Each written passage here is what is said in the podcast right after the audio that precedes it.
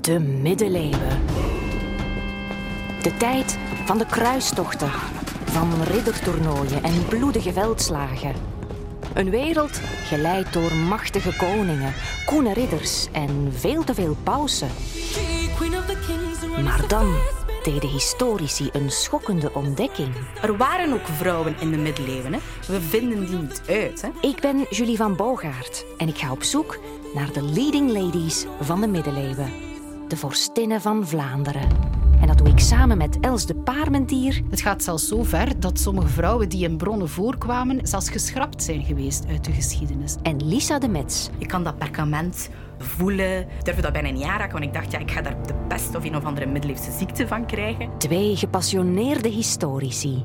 Samen maken we kennis met een heleboel boeiende vrouwen. Ja, het is zeker niet zo dat de adellijke dochters aan het hof enkel leerden borduren of muziek maken of eh, danspasjes instudeerden. Hè. Vrouwen die oorlog voerden. Vrouwen die ook ooit gewoon kind zijn geweest. Ze krijgen ook allerlei speelgoed, kleine tafeltjes, kleine chacosjes om mee te spelen. Vrouwen die verliefd werden.